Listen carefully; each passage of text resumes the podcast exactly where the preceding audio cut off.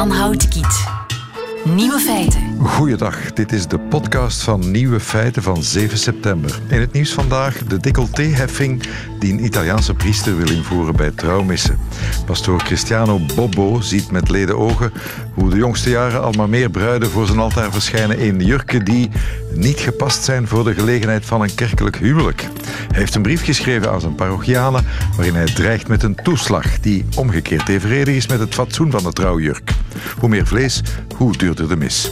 Zou zelf zijn? Bruiloften zijn van spirituele aangelegenheden verworden tot glamoureuze sociale evenementen, zo schrijft Cristiano Bobbo. Bruiden zouden een heilig huwelijk moeten aanvatten in eenvoudige creaties die van goede smaak getuigen, schrijft de pastoor. De andere nieuwe feiten. In China worden moslims in heropvoedingskampen gestoken. Het vraagpartikel doet zijn intrede in de Marokkaanse jongerentaal. In Australië heeft een vrouwelijke rok zich ongeslachtelijk voortgeplant. En Sander van Hoorn laat zijn licht schijnen over schild en vrienden.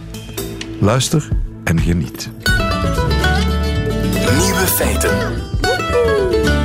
Lazen wij in Trouw. China bespiedt moslims en hersenspoelt ze in, onze, in heropvoedingskampen. Vele de Vos, onze vrouw, af en toe in China. Uh, goedemiddag. Wat is daar aan de hand over? Hoeveel mensen gaat het? We moeten daar misschien eens een cijfer op plakken. Moslims in China? Ja, moslims in China. Uh, eh, 20 miljoen is uh, de schatting. Er zouden 20 miljoen moslims in China leven. Dat is dan 1 à 2 procent van de Chinese bevolking. Nu, de meeste van die mensen zien er Chinees uit en wonen eigenlijk langs de oude zijderoute. Dus ook op die manier zijn ze eigenlijk China binnengekomen. En dan spreken we toch wel al over 1500 jaar geleden. Nu, 13 miljoen van die 20 miljoen zien er helemaal niet Chinees uit. En dat zijn Oeigoeren, die leven in het uiterste westen van China. Xinjiang heet dat gebied. En die zijn eigenlijk heel erg verwant met de inwoners uit Centraal-Azië. Spreken eigenlijk een soort Turkse taal. Uh, zien er ook Turks uit. En al ja, veel eeuwen lang is dat een betwist gebied geweest. Uh, volgens een aantal Oeigoeren is dat eigenlijk pas definitief door Mao bij de Volksrepubliek gevoegd. En uh, ja, een aantal mensen zouden dat eigenlijk liever onafhankelijk zien en noemen dat Oost-Turkestan. Ja. En van die 13 miljoen die daar geconcentreerd zijn, hoeveel zitten er dan in die heropvoedingskampen? Ja, dus die 13 miljoen, hè, die, daar, die Oeigoeren, zijn voor het grootste deel um, moslims. Daarvan zouden er, en dat zijn zeer recente cijfers, enkele honderdduizenden tot een miljoen in heropvoedingskampen zitten. Dan spreken we bijna over ja, 1 op 10, dus dat zijn ontzettend veel mensen. Um, nu, een minderheid van de Oeigoeren is, als we het dan een beetje hebben over ja, hoe, hoe, hoe, kom, hoe komen we daar hè, op dat moment, een minderheid van die Oeigoeren, ik zei het al, streeft eigenlijk naar een onafhankelijk Turkestan. En zijn ook aansluiting gaan zoeken bij de radicale islam over de grens. Het is niet zo heel ver van eh, Xinjiang naar Afghanistan, naar Pakistan. Uh, er zijn in de recente jaren ook wat aanslagen geweest in China. Dat wordt allemaal redelijk bedekt gehouden. Uh, berichten over een groep uh, mensen die met messen in een station zijn binnengevallen. Uh, twee jaar geleden, of drie jaar geleden, is er ook een, en dat was dan veel zichtbaarder, een jeep op het Tiananmenplein ingereden op een groep mensen. Daar is één toerist omgekomen. Dat waren ook Oeigoeren. En, en dat is misschien nog belangrijker, Enkele honderden Oeigoeren zouden zich ook hebben aangesloten bij IS en zijn in Syrië gaan vechten. En het is eigenlijk sindsdien, sinds ja, een tweetal jaar en eigenlijk sinds een, een jaar eigenlijk heel erg dat China in het verzet is gegaan en gedacht hebben om dat extremisme, dat separatisme uit te roeien, moeten we eigenlijk die bevolking gaan herprogrammeren, gaan mm hersenspoelen, zodat ze die verderfelijke islam laten vallen. Vooraleer je ze kunt hersenspoelen, moet je ze vinden en daarbij wordt de moderne technologie niet geschuwd, hè? Nee, en daar is China natuurlijk eh, bijzonder goed in aan het worden. Overal trouwens. Overal staan, eh, staan enorm veel camera's eh, in China, al maar meer. Er wordt met gezichtsherkenning gewerkt. Die gezichten zitten ook in een politiedatabase. Dus als de politie, als een camera gezicht ziet, kunnen ze meteen zien, ah, dat is iemand die geseind staat. Maar wat ze ook in het oog houden is, ja, hoe vaak reist iemand naar het buitenland, naar een, een gevoelig land? Vaak hebben die Oeigoeren ook familie in landen als Pakistan, Kirgizistan. Dus het is niet altijd voor, uh, in het kader van terrorisme dat ze naar het buitenland uh, reizen. Maar hoe vaak bekijkt iemand een buitenlandse website? Hoe vaak gebruikt iemand WhatsApp? Dat zijn allemaal dingen die eigenlijk voldoende zijn om je in zo'n heropvoedingskamp te doen belanden. En die heropvoedingskampen, dat is het merkwaardige, waar ze vorig jaar mee begonnen zijn. Ehm, hoe, hoe, raak je daarin? Die informatie die verzameld wordt met telefoontaps en met gezichtsherkenning is natuurlijk een, een cruciaal element. Mm moet je dan, word je dan nog eens aan verhoor onderworpen voordat ze zeggen van jij bent er een die we moeten herprogrammeren? Uh, voor zover we dat weten, en dat is heel moeilijk, hè, want er zijn zeer weinig buitenlandse journalisten. Chinese journalisten mogen er al helemaal niet over berichten. Dus alles wat we weten sijpelt eigenlijk binnen via getuigenissen. Voor zover we dat weten, niet. Hè. Mensen worden opgepakt, worden meteen in dat heropvoedingskamp gestoken. Komt geen proces aan, aan te pas. En mensen mogen ook niet uitleggen waarom ze daar niet thuis horen. Mhm. Opgepakt wil zeggen, de Chinese staat heeft een reden om jou op te pakken. En voilà, je mag deelnemen aan het programma in het heropvoedingskamp. Die reden, dat kan zijn, heeft een baard eet halal voedsel. Dat ja, dat soort dingen. Nu, voor die heropvoedingskampen en, enfin, was er eigenlijk al een hele campagne waar mensen werden aangemoedigd om hun baarden af te scheren, om hun hoofddoeken af te leggen, om varkensvlees te eten, om te eten tijdens de ramadan. Dat zijn al, ik ga zeggen, de, de zachtere maatregelen, zachte dwang, die, die was al van kracht in Xinjiang. Maar sinds vorig jaar is het dus allemaal in een stroomversnelling geraakt. Hè? En het is, ja, het is bijna te gek voor woorden. Het begint, die, die, dat heropvoedingsproces begint met het schrijven van zelfkritieken. Ja. Dan denk ik van, dat zouden we hier ook eens moeten durven doen. Ja. Uh, dus die mensen moeten zichzelf beginnen analyseren en zeggen uh, waar ze fout Ja, dat is een zeer Chinees concept, Jan. Uh, de culturele revolutie hebben honderdduizenden Chinezen hetzelfde moeten doen. Aan zelfkritiek doen. Hè. Dat is een, een, een heel belangrijk concept. Uh, daar hoort ook les bij. Dus de, de, de dag begint, naar het, begint blijkbaar voor zonsopgang met het nationaal volkslied, het hijsen van de vlag. En vervolgens zitten de mensen in de les, krijgen ze les over Chinese geschiedenis. Leren ze eigenlijk waarom ze ja, bevrijd zijn door China. Hè? Dat ze vooraf eigenlijk uh, slaven waren, barbaren, dat China hen de beschaving heeft gebracht. En uh, ja, moeten ze dan ook aan zelfkritiek doen. En wie dat niet doet, die uh, vliegt naar een isolatiecel. Um, enfin, folteringen, mishandelingen.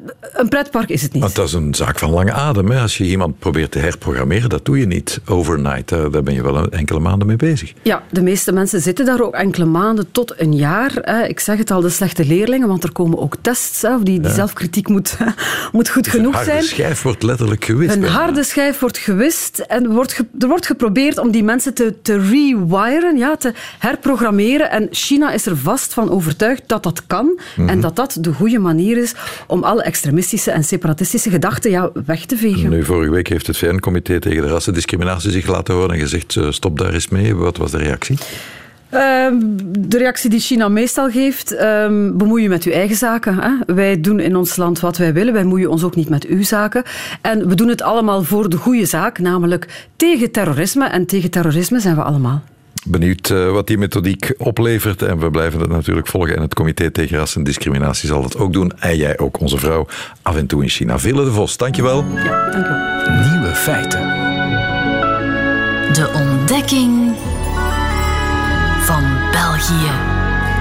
En daar worden wij bij geholpen onszelf ontdekken door iemand die een jaar of elf in een oorlogsgebied heeft gezeten, in het Midden-Oosten heeft gezeten en dan een, dik jaar geleden dacht, weet je wat, ik ga gewoon naar België. Sander van Hoorn, welkom terug. Goedemiddag. Ja, een goede zomer gehad. Zeker, zeker. België nog beter leren kennen? Of? Nou, via België in het buitenland, want uh, net zoals Nederlanders houden Belgen ervan om in uh, Europa met de auto op vakantie te gaan. Dit, dit was jouw eerste volledige vakantie in België? Hè? Ja, zeker. En het was, ik heb toch een paar momenten meegemaakt dat uh, Belgen die geparkeerd staan ergens en mijn kenteken zien, uh, een, een, soort van begroeten. En dat ik me dan half schaam dat ik moet bekennen van ja, het is een Hollander in een, uh, in een Vlaams kenteken, in een Belgisch dus kenteken. In burger tot daar, maar een, een, een Belgische nummer, nummerbord, daar doe je niet aan. Ja, dat doe ik juist wel aan. En vandaar dat ik dus word aangesproken en dan een soort moet toegeven dat ik geen, geen Belg ben.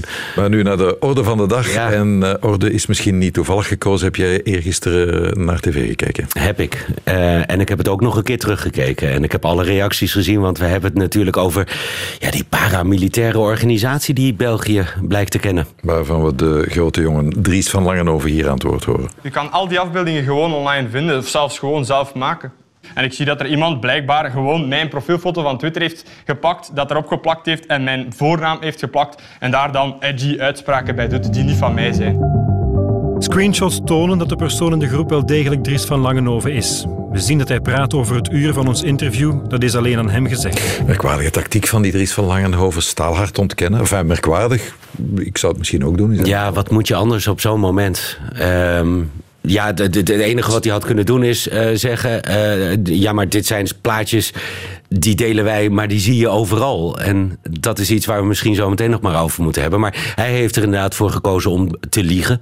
En uh, deze groep, ja, die, die, die wordt nu gefileerd. Die wordt over de hele linie wordt die, weggezet als extreem en het is natuurlijk nog een klein beetje woord tegen woord.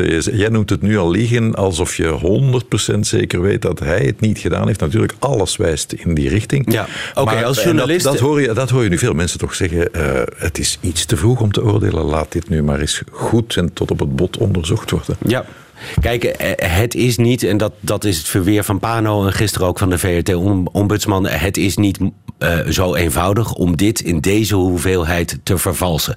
Dus uh, kan dat uh, het geval geweest zijn? Ja, formeel moet je met die mogelijkheid rekening houden. Ik stel alleen vast dat heel veel politici, waaronder eerste minister Michel, daar niet op gewacht hebben en eigenlijk het oordeel al geveld hebben. Het gaat over die memes, het fameuze, de fameuze memes. En waarvan je denkt als je ze ziet passeren, ach, dat zijn gasten in, nog in de studentenperiode of er net uit. En dat begint als een grap. Dat begint als een grap. En ik denk ook dat ze. Er zitten Engelstalige memes bij, maar ook de Nederlandstalige. Ik, ik sluit niet uit dat ze ze niet eens zelf gemaakt hebben. Uh, want uh, ergens een tekst over een foto uh, zetten, dat, dat kan iedereen. Dat kan, dat kan jij, dat kan ik. Maar een versnellingsbak in de vorm van een hakenkruis. Ja, dat, dat, dat doe je niet even zo. Daar moet je toch echt voor kunnen photoshoppen. Dus een deel van die memes, die hebben ze van buiten gekregen. En het erge is, en, en, daar ben ik toch eigenlijk de hele ochtend over aan het denken. Spreek ook met uh, Vlaamse vrienden daarover. Um, ik ben ze op andere plekken ook wel tegengekomen. Mm -hmm. En dat, dat, dat is iets waar, waar ik me toch vanaf zit te vragen. Ik zie dat dit uh, uh, uh, ophef veroorzaakt in België. Ik zie de politieke reacties. Ik zie hoe NVA en in meerdere mate nog Vlaamse Belang hiermee worstelen. Mm -hmm. maar wat ik ook zie is dat dit misschien raakt aan iets wat breder is. Dat er een voedingsbodem misschien is waarbij dit soort dingen verspreid worden. Want stel dat je dit binnenkrijgt. En ik heb, het is, het is een volstrekt willekeurige steekproef, maar in mijn omgeving mensen gesproken die zeggen van ja, maar dit soort plaatjes zien we in appgroepen voorbij komen. die niets met uh, politiek te maken hebben. Waar ook eigenlijk helemaal geen mensen bij zitten die dit soort denkbeelden hebben. En toch zien we dit soort plaatjes ja. voorbij komen. En je kunt als je zo'n plaatje krijgt, kun je natuurlijk heel veel dingen doen. Je kunt het actief delen, dan, dan steun je het. Dat is wat bij Schild en Vrienden gebeurd is. Maar het is natuurlijk, het is ook geen nieuw gegeven. Het is al een tijdje gaande. Dat was een van de vragen gisteren in het journaal ook aan de, aan de ombudsman. Is die timing van die Pano, hè, een, week of vijf, zes voor de verkiezingen, is dat nu echt zo toevallig? Eh, volgens hem wel. Mm -hmm. zie je daar toch een, eh, een, een timing in met... Uh, het begon met het infiltratieverhaal uh, van... Maar, laten we, ik bedoel, dat, dat element, dat, dat zie ik, dat hoor ik. En wat dat betreft is er altijd iets tegen een timing te zeggen. Want als ze het na de gemeenteraadsverkiezingen hadden gedaan... dan hadden we weer redelijk dicht tegen de federale verkiezingen aangezeten. Dus wat dat betreft is geen enkele timing goed. Het verweer ook een beetje van de ombudsman. Maar laten we hem daarin volgen. Wat ik veel interessanter vind, namelijk is het begrip infiltratie bijvoorbeeld. Als dit. Als je, als je, als je wat Schild en Vrienden doet, uh, uitkleedt in losse feitjes. dan zou je zelfs kunnen argumenteren dat er nog niet eens zoveel aan de hand is. Infiltreren. Hoezo? Als iemand een bepaalde agenda heeft. En hij wil dat via democratisch gekozen lichamen, instituties, uh, uh, uitdragen en verwezenlijken. Mm -hmm. Dat kun je ook em emancipatie noemen. Mm -hmm. En wat dat betreft is het paramilitaire element ervan. Wij bereiden ons voor op een burgeroorlog. De foto van Van Langenhoven met een uh, wapen, een automatisch wapen uh, nog in zijn hand, is veel gevaarlijker. He, dus dat infiltreren, dat, dat kan ook een spel zijn, hè? Een, een, symboliek en ach, een grap. Een, geen goede grap, uh, laten we het daarover vooral eens zijn. Maar het kan ook niet verder zijn, niet verder gaan dan dat. Is dit nu, waren die jongens echt van alles van plan, denk je? Ze waren er in elk geval op voorbereid. Maar ook als je kijkt naar het ledental uh, kun je je dat afvragen. Maar iets, iets wat ik nog heel weinig ben tegengekomen. Maar ik, ik zag die t-shirts waar ze in rondlopen. En 1302. Juist. En ja, ik bedoel, als inburgeraar in België ben ik dat eens gaan googlen. En dan kom je dat uh, samen in uh, de samenhang met Schild en Vriend kom je dat tegen. Absoluut. Briljant verhaal, Brugge. We gingen de Fransen overvallen. En uh, we waren heel erg slim, dus we kozen een kreet die zij niet konden uitspreken. Ja, Schild en Vriend. Ja, precies. Goed, geniaal, mooi, maar het zegt De strijd wel... tegen de, de Fransen. En dat is natuurlijk, en dat, dat maakt het allemaal zoveel aardiger voor een buitenstaander. Met hoe wrang het ook is en hoe abject ook die plaatjes zijn. En hoe serieus ook uh, de repercussies, de politieke repercussies. Voor een buitenstaander blijft het interessant dat dit dus een essentieel onderdeel is van die Vlaams-nationalistische beweging. We zijn 36 uur verder, er is ontzettend veel over gepraat. En de rector van de Gentse Universiteit heeft gezegd: ja, dit soort mensen uh, tot tot na de tuchtprocedure hoort niet op de universiteit, dus wordt geschorst. Is dat de goede strategie? Ja, ik zou hem niet gekozen hebben. En ik begrijp ook dat inmiddels de Universiteit Leuven heeft gezegd: uh, uh, meneer Van Langenhoven is welkom bij ons. Uh, als je. Nee, maar dit, dit, Zo cru is het niet gezegd, maar toch. Waar het om gaat is dat op het moment dat je zegt: dit soort ideeën hoort niet thuis bij ons aan de universiteit, tot op het niveau dat je zegt: de poorten blijven voor deze meneer gesloten. bij welke ideeën stop je dan? Ja. En uh, ja, aan beide kanten van het spectrum heb je deze ideeën. Uh, iemand die uh, gevochten heeft in Syrië bij IS, die zal de universiteit ook niet meer binnenkomen. Nee. Maar waar houdt het dan op? En dan kom ik toch weer terug bij mijn eerdere vaststelling of vermoeden. Laat ik het nog heel voorzichtig formuleren. Dat dit soort plaatjes breder gedeeld worden dan alleen bij Schild en Vriend. En dat het heel vaak grappend gebeurt. Maar heel veel van dat soort mensen die plaatjes binnenkrijgen, die delen ze niet. Misschien walgen ze ervan, maar ze geven ze ook niet aan. Moet je die mensen dan ook de toegang tot de universiteit ontzeggen? Ja. Ik, vind het, uh, ik vind het nogal ver gaan. En als ze niet een vlag naar beneden hadden getrokken. Ik bedoel, Greenpeace heeft ook wel eens van dat soort acties. Dus waar. Waar liggen grenzen? Ja, het blijft een heel interessante. En ik, ik confronteerde een aantal Vlaamse vrienden met mijn, laat ik het maar hardop zeggen, vermoeden van misschien een latente Vlaamse racisme. Mm. Ja, en toen kreeg ik hem keihard terug van kijk eens naar Nederland. Toen uh, de bootvluchtelingen in 2015 uh, een issue waren. De misselijkmakende memmers die toen in Nederland ook gedeeld werden. Het is waar, misschien is het wel iets menselijks. Jij noemt het een memmer. Ik dacht dat het een meme was. Maar goed, daar, daar kunnen we het over eens zijn. Ken je de, want jij bent toch nog altijd aan het inburgeren na een jaar. Ken je de, de Vlaamse betekenis, Franse ook, maar Vlaamse van mee? Nee, eigenlijk niet, moet ik bekennen. Oh, dat is een koosnaampje voor wat jullie oma noemen. Ah, okay. Meme, ja. grootmoeder gewoon. Maar dat is niet de naam van het plaatje, dat zal een andere... Ik denk niet dat dat voor Meme bedoeld was. Dankjewel, Sander. Bla, bla, bla. Nieuwe feiten. Bla, bla, bla. Radio 1. Bla, bla, bla, bla, bla, bla, bla, bla, bla. Niet toevallig bla bla, want we hebben het over taal. En dat doen we samen met Said Boumazoug en, uh, en Salah Ibn Qassimi. Enfin, samen zijn zij SLM. Salah, goedemiddag. Goedemiddag, Jonas. Goed. Wat, uh, alles goed en met jou? Goed, goed, goed. Wesh is dit normaal, zou ik je moeten vragen eigenlijk. Want dat was de titel boven een stuk in uh, NRC over de taal. waar kleine lidwoorden en vraagwoordjes in geraken. Kun je dit eens analyseren voor ons, Salah? Wesh, is dit normaal? Die wesh, wat is dat precies? Ja, dat is eigenlijk gewoon een soort woord die uh, de, de jongeren gebruiken om, om eigenlijk in zin met te beginnen. Je kunt dat overal met een vraag of gewoon een antwoord geven. Wash, wash is dit normaal? Wash doe gewoon.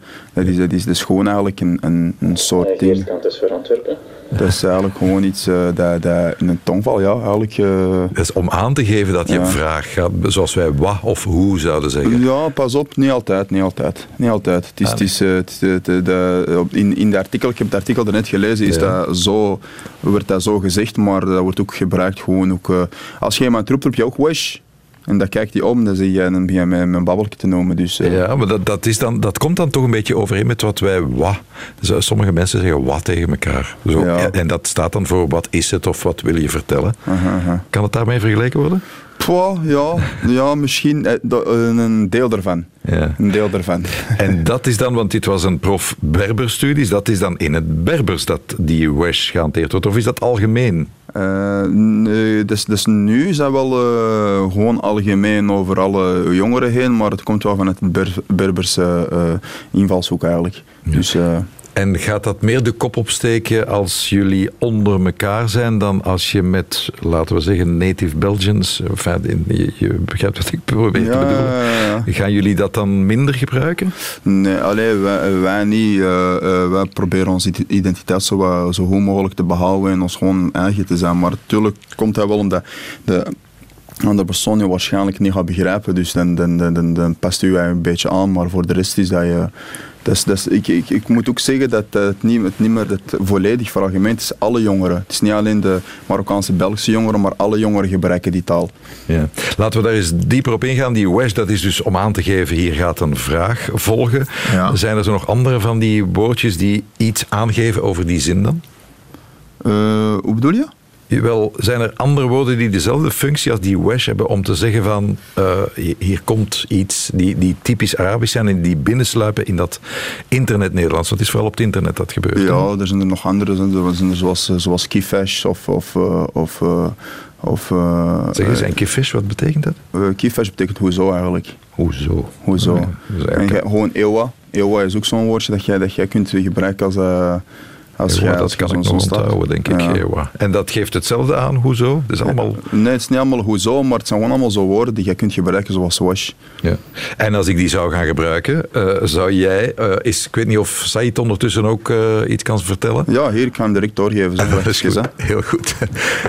Said, de andere helft van SLM. Dag Said. Hey. Zeg, als ik nu zou die kifish en ewa en wesh zou beginnen gebruiken in mijn taal, wat zou je dan denken? Die gast is te hard aan het proberen om uh, de indruk te wekken dat hij bij mij hoort? Ja, enerzijds zal je het wel zo kunnen benoemen dat, dat je te hard aan het proberen bent, maar ja, je bent ook nooit te oud om bij te leren.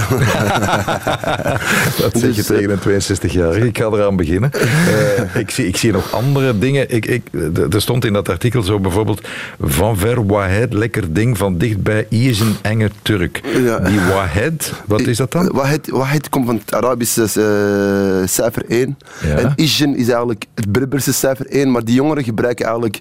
Je moet eigenlijk de Nederlandse taal wordt een soort cement van allerlei verschillende ah. culturele invloeden, waarbij men eigenlijk uh, de, de, Nederlandse taal als een basis dus gebruikt. Dus wij zijn een soort... Wij, enfin wij, ik zeg het Nederlands, is een soort platform waar ja. Berbers en ander Arabisch zich kan opplanten. Ja, inderdaad. En dat is eigenlijk... Ja, het, er was ooit een artikel, het Murks in Lombok, dat is eigenlijk begin 2000 uh, ergens verschenen, ook waar wij een professor... Het Murks, zeg maar het Marokkaans-Turks, dat geïmplementeerd was in de Nederlandse taal, dat heel veel jongeren uh, Marokkaanse, Turkse, Surinaamse woorden gebruikten in hun uh, dagdagelijkse... Eigenlijk moeten jullie ons dankbaar zijn dat we dat Nederlands leveren, want jullie onderling tussen de verschillende dialecten of talen, jullie begrijpen elkaar dan ook beter en makkelijker. Inderdaad, omdat als je bijvoorbeeld kijkt bijvoorbeeld naar het Marokkaans zelf, is, uh, in het Marokko hebben we denk ik ergens tussen de 16 en 30 dialecten. Mhm. Dus een jongen vanuit het noorden uh, als we met elkaar communiceren, ja, ik spreek Berbers, ik heb vrienden van mij die Arabisch spreken of vrienden van mij die Turks spreken. Ja. wij spreken niet dezelfde taal, gebruiken we het Nederlands als basis om elkaar te kunnen verstaan, maar toch laten we uh, die identiteit ja, uh, past zich toe zeg maar, op die bepaalde woorden die wij dan hanteren naar elkaar toe. Dan begin ik heel hard te blokken, als jullie dat goed vinden, op mijn kifesh en mijn wa en ewa en wesh. En, en hopen dat jullie mij dan geloven. Uh, ehm, SLM, eh, jullie, jullie komen eigenlijk uit Nomops, hè? dat kennen we, dat hip-hop collectief, collectief, zal ik het maar noemen. Je weet waar SLM kan voor staan? Onder andere Shalom, nee, nee, ja, SLM. Het staat voor Surinaamse luchtvaartmaatschappij, ja, Surina Schweizerische locomotief- en machinefabriek. en, ook, en ook, dat moeten jullie als Kiel, want jullie zijn van het Kiel, denk ik, mm. de Sint-Lutgardischool in Merksem, dat is Merksem. SLM. Ja, inderdaad, inderdaad. Heel universeel. Heel universeel. Uh, mag ik, uh, Salah en Said, mag ik jullie danken voor een woordje uitleggen bij die WESH. Dank jullie wel. Is dit normaal? Dank, u. Dank u wel. Hè. Ja, dag. Salutjes. Nieuwe feiten. Radio 1. Een heugelijke gebeurtenis was het sowieso op 26 juli, meer bepaald in het Sea Life Aquarium in Sydney. Professor Dominique Adriaans, evolutionair bioloog van de Universiteit Gent. Goedemiddag. Goedemiddag. Want wat is daar gebeurd op 26 juli in Sydney? Wel, daar was een uh, adelaarsrog, een, een wijfje, die al een, een heel tijdje daar aan het uh, gezellig aan het rondzwemmen was, zonder dat er ook maar één mannetje in de buurt was mhm. gedurende die hele periode. En bleek dat die plots zwanger was en dus uh, nakomelingen heeft geproduceerd zonder dat daar een mannetje aan te pas is gekomen. Wie zijn Bijbel een beetje kent, is geneigd dat een onbevlekte ontvangenis te noemen. Ja. Klopt dat in dit geval? Oh ja, je zou dat kunnen. Uh, hangt ervan af hoe dat je onbevlekt definieert wetenschappelijk. Maar um, daar is het inderdaad zo dat dat dus een, een, uh, een eicel is. Die als het ware bevrucht is geworden om tot een embryo uit te groeien zonder dat er een mannelijke zaadcel aan te pas is gekomen. Ik ben niet sterk in biologie, maar hoe kan zoiets? Is dat dan een soort, is dat een soort uh, is er een kloning gebeurd? Wel, het hangt er een beetje vanaf hoe dat het gebeurt. Hè. Men weet ondertussen dat er op verschillende manieren dat uh, kan gebeuren. In het algemeen noemt men dat parthenogenese. Dat is voortplanting zonder dat er dus een mannelijk individu en zaadcellen um, aan bod komen die mee met het DNA, dus het genetisch materiaal van een eicel, gaat versmelten om dan een nieuw embryo te vormen. Mhm. Ehm, en afhankelijk van hoe dat, dat proces gebeurt, ehm, kan men met volwaardige klonen te maken hebben. Dat is dan als eigenlijk een, uh, de eicel op het moment dat ze van elk chromosoomtype, normaal gezien in al onze cellen en van alle dieren en planten, zitten in alle cellen twee exemplaren van eenzelfde chromosoom. Mhm. Uitzonderlijk de geslachtcellen. Daar zit normaal gezien door een celdelingsproces worden dat cellen met maar één exemplaartje. Maar als nu die eicel, vooraleer dat ze zich opsplitst en maar één exemplaartje heeft, dus op het moment dat ze nog twee heeft, plots begint spontaan te ontwikkelen tot een embryo, dan heb je te maken met volledige klonen van het moederdier. Maar het, het kan ook zijn dat er toch eerst al die celdeling optreedt en dan krijg je normaal gezien in een eicel een grote cel en een heel klein celletje. Men noemt dat een poollichaampje. Mhm. En dat dat uh, achteraf terug weer gaat versmelten met elkaar. En dan krijg je weer een met twee exemplaren. En dan zijn dat niet, gaan niet elke nakomeling een identieke kloon zijn van de moeder. Ik zou zeggen dat dat uh, spaart ons een hoop gedoe. Dat heeft niks dan voordelen, die parthenogenese. Uh, nee, dat is niet het geval, omdat het, het feit is, het, het komt voor en in de meeste gevallen is het wat men noemt facultatieve parthenogenese. Dat wil zeggen dat ze zich normaal geslachtelijk gaan voortplanten, maar als de omstandigheden uh, van die aard zijn, kan het zijn dat ze dan plots, zoals die adelaarsrog daar in dat aquarium, hè, als er geen mannetje in de buurt is, zijn sommige dieren in staat om dan plots zonder mannetje zich te gaan uh, voorplanten. Ja. Maar men weet bij heel wat dieren, het, het, is vooral gekend van dieren die in gevangenschap leven. Mhm. En men ziet dat in veel van de gevallen dat het eigenlijk dikwijls leidt tot misvormingen en gewoon embryo's die nooit ontwikkelen tot volwaardige um, dieren of planten. En dus het heeft nadelen. Die ongeslachtelijke voortplanting, als ik het zo lelijk mag, mag eh, benoemen, uh, gebeurt dat alleen bij adelaarsroggen of uh, vind je dat nog Nee, dat is gekend eigenlijk bij heel wat soorten, ongeveer een zeventigtal soorten. Dat is zowel bij verschillende vissen, haaien, roggen, ook een aantal beenvissen, verschillende vogels. Het is trouwens ook het eerst vastgesteld bij kippen die in gevangenschap werden gehouden. Mm um, en ook heel wat reptielen. Verschillende soorten slangen, hagedissen, zelfs de komodo-varaan, die mhm. gigantisch grote varaan. Um, daarvan is geweten dat zij nu en dan aan dergelijke uh, parthenogenese kunnen doen. Dus dat zich dat ooit bij zoogdieren zou voordoen, dat risico is onbestaande? Wel, dat risico is, wel, het is altijd heel gevaarlijk van in de biologie van, uh, in termen van nooit en altijd te spreken. Dus de kans is zeer klein. Um, het proces kan gestart worden, maar uh, bij zoogdieren is er een soort genetisch controlemechanisme, zal ik maar noemen. Uh, men noemt dat genomische imprinting, waarbij dat er altijd het DNA van een mannelijk individu is die er moet voor zorgen ook dat de normale ontwikkeling verder gebeurt. Dus als er geen DNA van een mannelijk individu is, dan loopt het al heel snel mis met die embryonale ontwikkeling en krijg je dus nooit nakomelingen of zelfs embryo's die kunnen overleven. Dus wij venten zijn nog niet helemaal overbodig, professor Adriaans? Op dat vlak toch nog niet. Alsnog niet in de, de zoogdieren. U weet hoe uh, de jonge adelarsrog uh, genoemd is, hè? Uh, Tani of zoiets was het. Ani. Zeker, of Ani, ja. En u weet toevallig ook waar dat vandaan komt, waar ze dat gehaald ah, nee, hebben? Nee, daar heb ik geen idee van. Het is geïnspireerd. Door, kent u het fenomeen Darth Vader? Ja, ja, ja, ja. Wat had Darth Vader? Hij had veel dingen wel, wat had hij niet? Hmm. Een vader. Van... Ah ja, nou, dat heb ik gemist.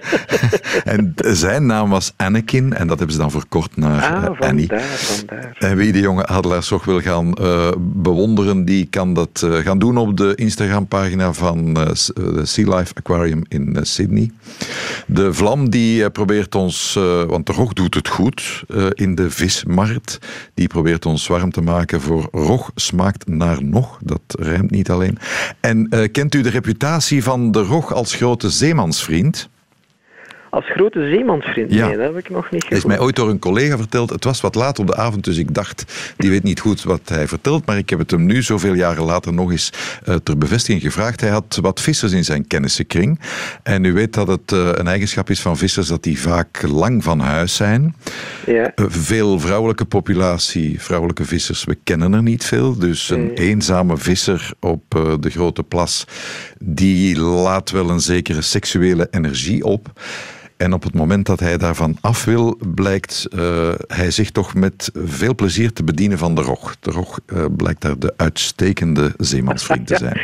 ik probeer mij daar iets bij voor wow, te stellen. Maar stel u daar niet te veel bij voor. Professor Adriaans van de Universiteit Gent. Dank je wel. Hè. Dat is graag gedaan. Smakelijk. Nieuwe feiten.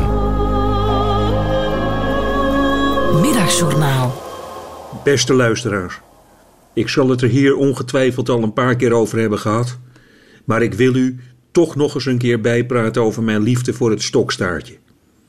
Er is een dier. Ik zeg dat er even specifiek bij voor de luisteraars die denken dat het de naam van een nieuw type stofzuiger is of de naam van een peuter speelzaal. Het stokstaartje is het liefste diertje op aarde.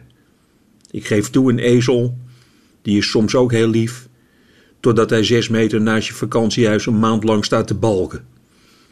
Het stokstaartje zwijgt. En ik houd van dieren die zwijgen, trouwens ook van mensen die zwijgen. Op een feestje zeg ik het vaak tegen mensen die drie uur lang in mijn nek zitten te lullen over de fijne koloniale tijd in Indonesië en dat ze daar pas echt hebben geleerd hoe je rijst kookt. Dan zeg ik tegen ze midden in een zin: Stokstaartje. Het stokstaartje staat altijd op zijn achterste pootjes en het tuurt naar de horizon. Een cowboy zonder paard, maar dan als dier. Denkt u daar maar aan. Ze kijken ook naar een horizon als die er helemaal niet is. Een stenen muur in hun dierentuinverblijf bijvoorbeeld. Bij geen enkel ander dier voel je de zinloosheid van de gevangenschap zo erg. Kijk vijf minuten naar een stokstaartje en je hebt ongeveer een idee hoe Nelson Mandela zich heeft gevoeld. Stokstaartjes zijn eigenlijk keiharde motherfuckers. Ze ontkennen hun hok. Ze blijven net doen alsof ze midden op de prairie staan. Ze weten je het gevoel te geven dat niet zij, maar dat jij gevangen zit in het armzalige mensenleven van je. En nu ben ik bezig, en dat wilde ik even vertellen, met een nieuw project. Ik koop op rommelmarkten ingelijste reproducties van schilderijtjes en die houd ik dan in de dierentuin voor hun neus, om de sleur te doorbreken. Gisteren was ik in de dierentuin te Amsterdam, Arters, en ik heb een stokstaartje bijna een middag lang laten kijken naar een stilleven met citroen. En zo zijn stokstaartjes dan dus ook wel weer. Er kon geen bedankje vanaf. Maar luisteraars, ik weet dat ik goed heb gedaan. Ik heb een stokstaartje voor één middag een nieuwe horizon gegeven. Nu ik zelf nog.